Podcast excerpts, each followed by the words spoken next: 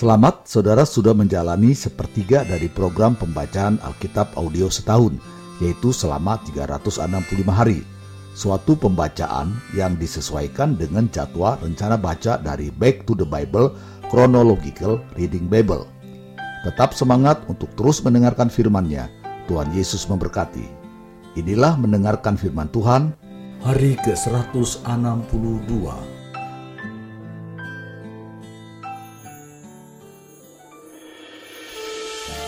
Satu Raja-Raja pasal 5 ayat 1 sampai 18. Persiapan-persiapan untuk mendirikan bait suci.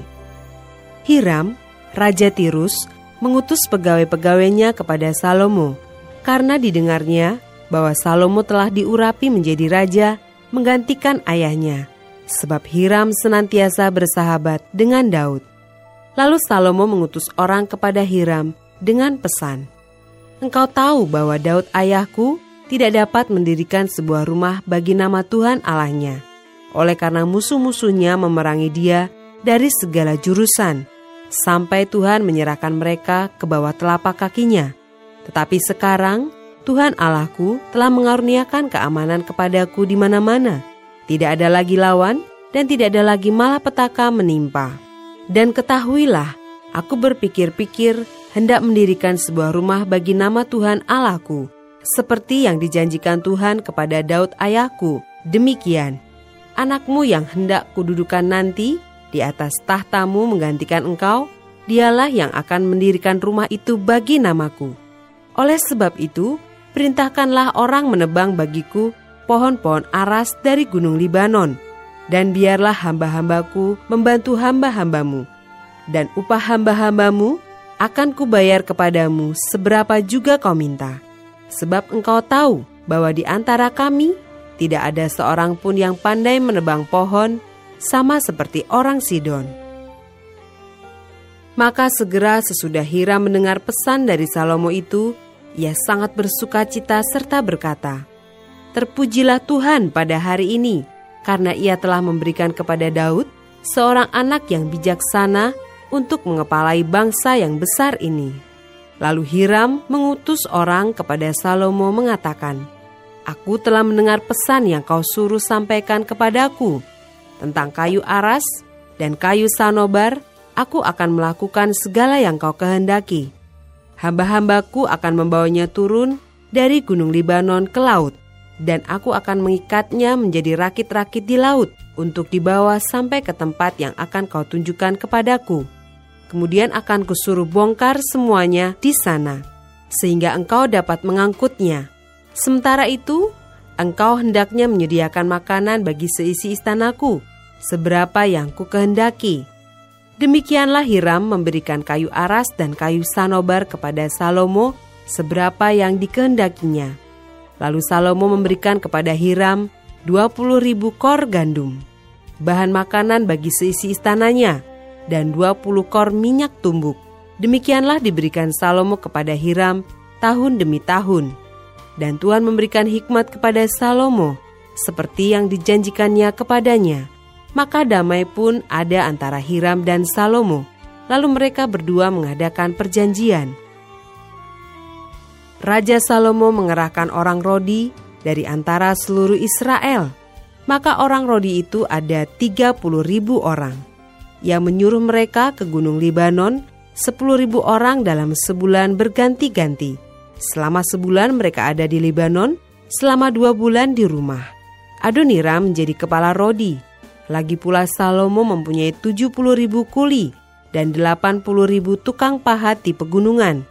Belum terhitung para mandur kepala Salomo yang mengepalai pekerjaan itu, yakni 3.300 orang banyaknya yang mengawasi rakyat yang mengerjakan pekerjaan itu. Dan raja memerintahkan supaya mereka melinggis batu yang besar, batu yang mahal-mahal, untuk membuat dasar rumah itu dari batu pahat. Maka tukang-tukang Salomo dan tukang-tukang Hiram, serta orang-orang Gebal, memahat dan menyediakan kayu dan batu untuk mendirikan rumah itu.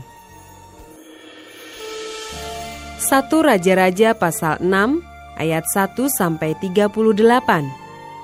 Salomo mendirikan bait suci.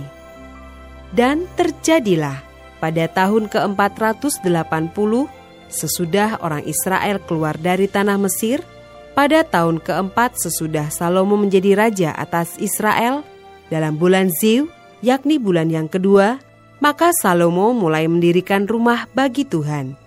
Rumah yang didirikan Raja Salomo bagi Tuhan itu 60 hasta panjangnya dan 20 hasta lebarnya dan 30 hasta tingginya. Balai di sebelah depan ruang besar rumah itu 20 hasta panjangnya menurut lebar rumah itu dan 10 hasta lebarnya ke sebelah depan rumah itu. Dibuatnya juga pada rumah itu jendela-jendela yang rapat bidenya. Pada dinding rumah itu sekelilingnya didirikannya kamar tambahan, sekeliling ruang besar dan ruang belakang, dan seluruhnya dibuatnya bertingkat-tingkat. Tingkat bawah lima hasta lebarnya, yang tengah enam hasta, dan yang ketiga tujuh hasta. Sebab telah dibuatnya ceruk-ceruk pada rumah itu sekeliling sebelah luar, sehingga dinding rumah itu tidak usah dilobangi. Pada waktu rumah itu didirikan, dipakailah batu-batu yang telah disiapkan di penggalian, sehingga tidak kedengaran palu atau kapak atau sesuatu perkakas besi pun selama pembangunan rumah itu. Pintu tingkat bawah ada pada lambung kanan rumah itu, dan orang naik dengan tangga-tangga pilin ke tingkat tengah, dan dari tingkat tengah ke tingkat yang ketiga. Setelah ia selesai mendirikan rumah itu, dibuatnyalah langit-langit rumah itu dari bingkai dan pemapan dari kayu aras.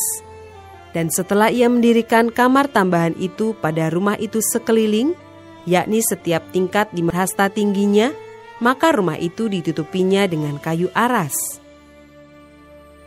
Kemudian datanglah firman Tuhan kepada Salomo, demikian.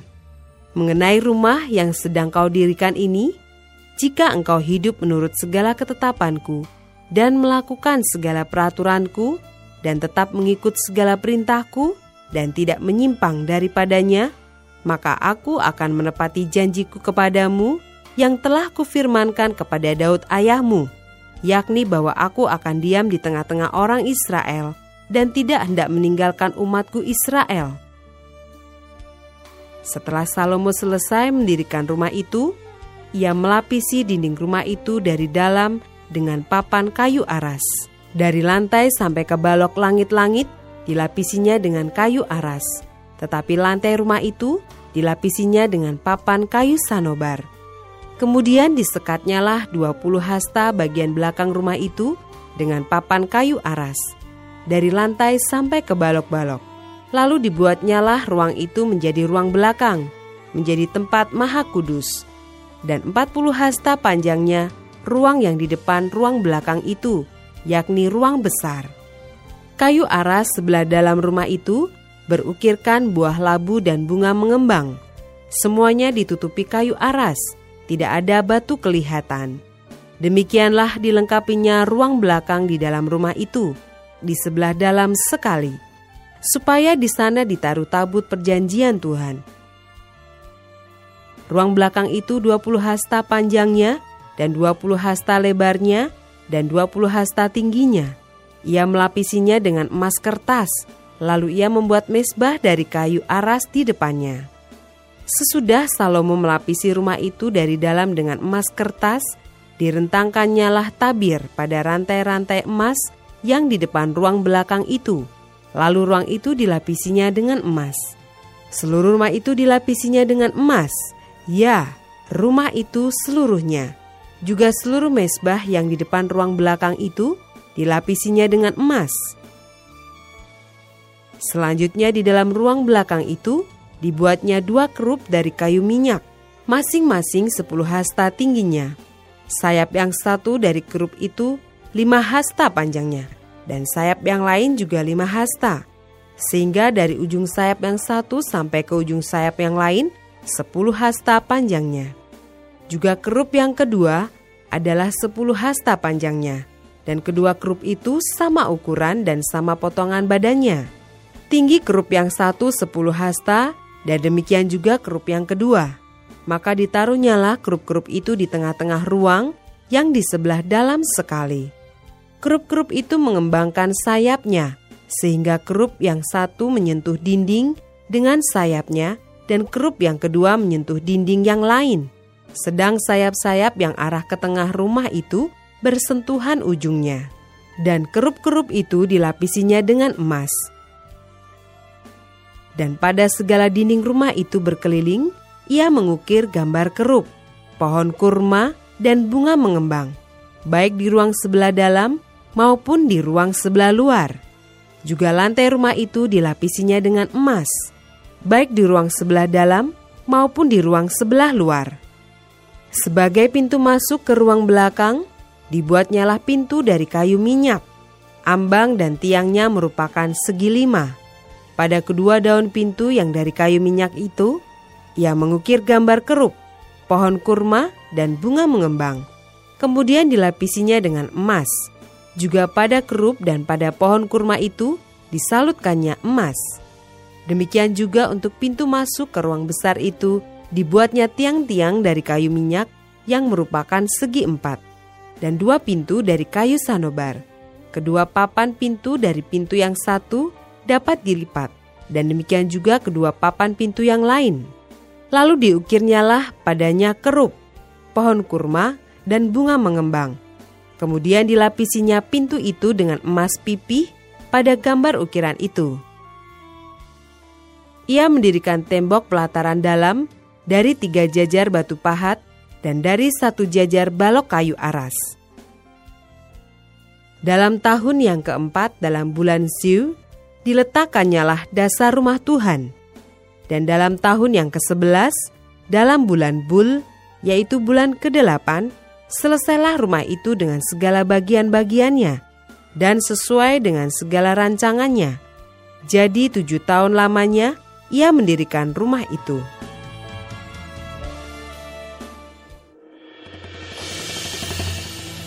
Dua Tawari pasal 2 ayat 1 sampai 18.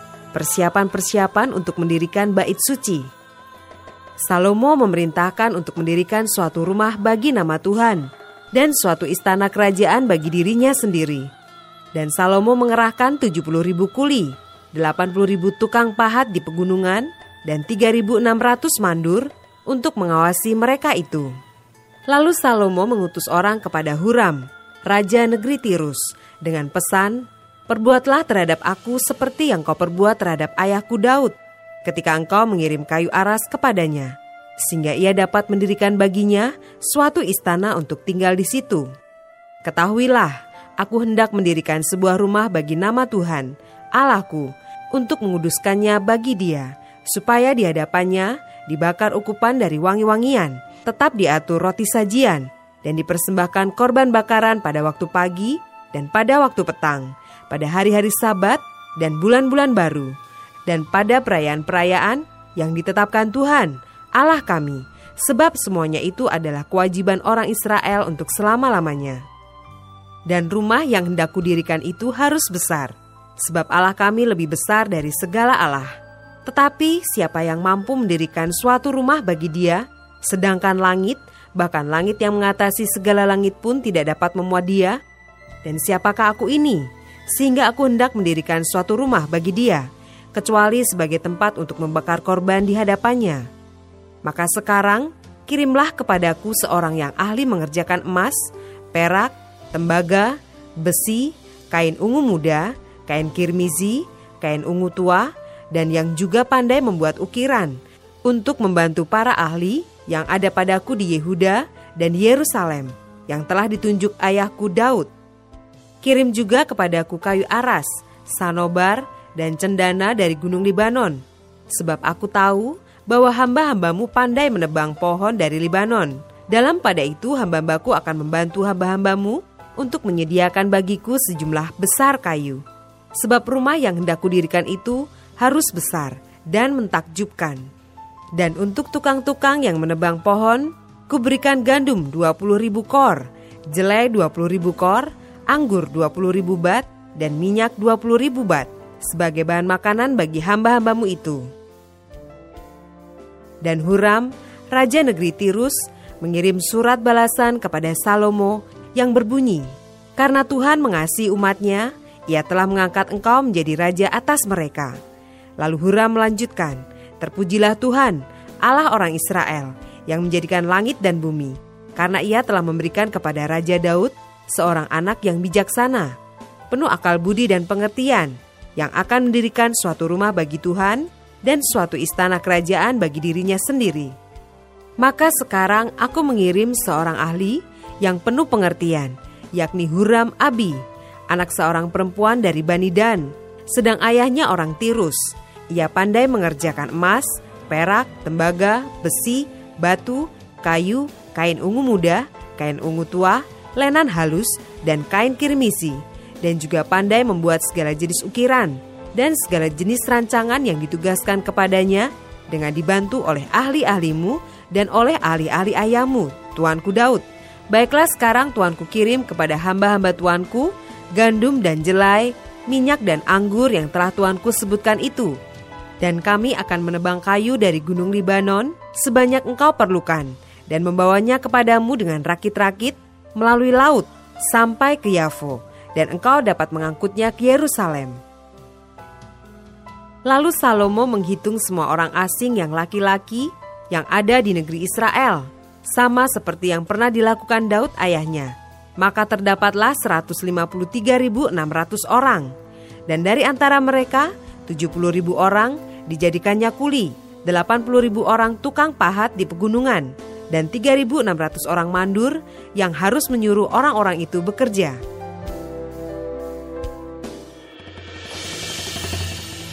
Dua Tawari pasal 3 ayat 1 sampai 14. Salomo mendirikan bait suci. Salomo mulai mendirikan rumah Tuhan di Yerusalem di Gunung Moria, di mana Tuhan menampakkan diri kepada Daud ayahnya di tempat yang ditetapkan Daud, yakni di tempat pengirikan Ornan, orang Yebus itu. Ia mulai mendirikan rumah itu dalam bulan yang kedua pada tahun keempat pemerintahannya. Inilah ukuran dasar yang dipakai Salomo untuk mendirikan rumah Allah. Panjangnya 60 hasta, menurut ukuran hasta yang lama dan lebarnya 20 hasta. Balai di sebelah depan ruang besar rumah itu panjangnya 20 hasta menurut lebar rumah itu dan tingginya 120 hasta. Balai itu dilapisinya dari dalam dengan emas murni. Ruang besar dipapaninya dengan kayu sanobar. Kayu itu disaputnya dengan emas tua, kemudian dipasangnya pohon korma dan untayan rantai di atasnya. Ruang itu dilapisinya juga dengan batu permata yang mahal-mahal sebagai perhiasan, sedang emasnya emas parwaim. Demikianlah ruang itu, balok-baloknya, ambang-ambangnya, dinding-dindingnya, dan pintu-pintunya disaputnya dengan emas dan pada dinding-dindingnya diukirkannya keruk. Kemudian ia membuat ruang maha kudus, panjangnya 20 hasta menurut lebar rumah itu, dan lebarnya 20 hasta juga Lalu ia menyaputnya dengan emas tua seberat 600 talenta. Berat paku-paku 50 shikal emas. Juga kamar-kamar atas disaputnya dengan emas. Ia membuat dua kerup berupa pahatan di ruang maha kudus dan melapisinya dengan emas. Sayap kerup-kerup itu seluruhnya 20 hasta panjangnya. Sayap yang sebelah kerup yang satu, lima hasta panjangnya, dan menyentuh dinding ruang. Sedang sayapnya yang sebelah lagi juga lima hasta panjangnya dan menyentuh sayap kerup yang lain. Begitu pula sayap kerup yang lain itu, lima hasta panjangnya dan menyentuh dinding ruang, sedang sayapnya yang sebelah lagi juga lima hasta panjangnya dan bersentuhan dengan sayap kerup yang pertama. Jadi sayap kedua kerup itu membentang sepanjang 20 hasta. Sedang kedua kerup itu berdiri di atas kakinya dan menghadap ruang besar. Kemudian ia membuat tabirnya dari kain ungu tua, kain ungu muda, kain kirmizi dan lenan halus, dan menggambarkan kerubim padanya.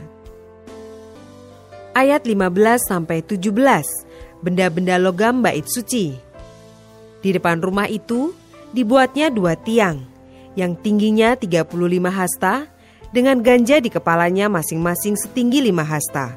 Lalu dibuatnya untaian rantai yang dipasangnya sebagai kalung di atas kepala tiang-tiang itu dan dibuatnya 100 buah delima yang dipasangnya pada untaian rantai itu. Tiang-tiang itu didirikannya di depan bait suci, yang satu di sebelah kanan dan yang lain di sebelah kiri. Tiang kanan dinamainya Yakin dan tiang kiri Boas. Tetap semangat, teruskanlah mendengarkan firman Tuhan. Sampai jumpa esok hari.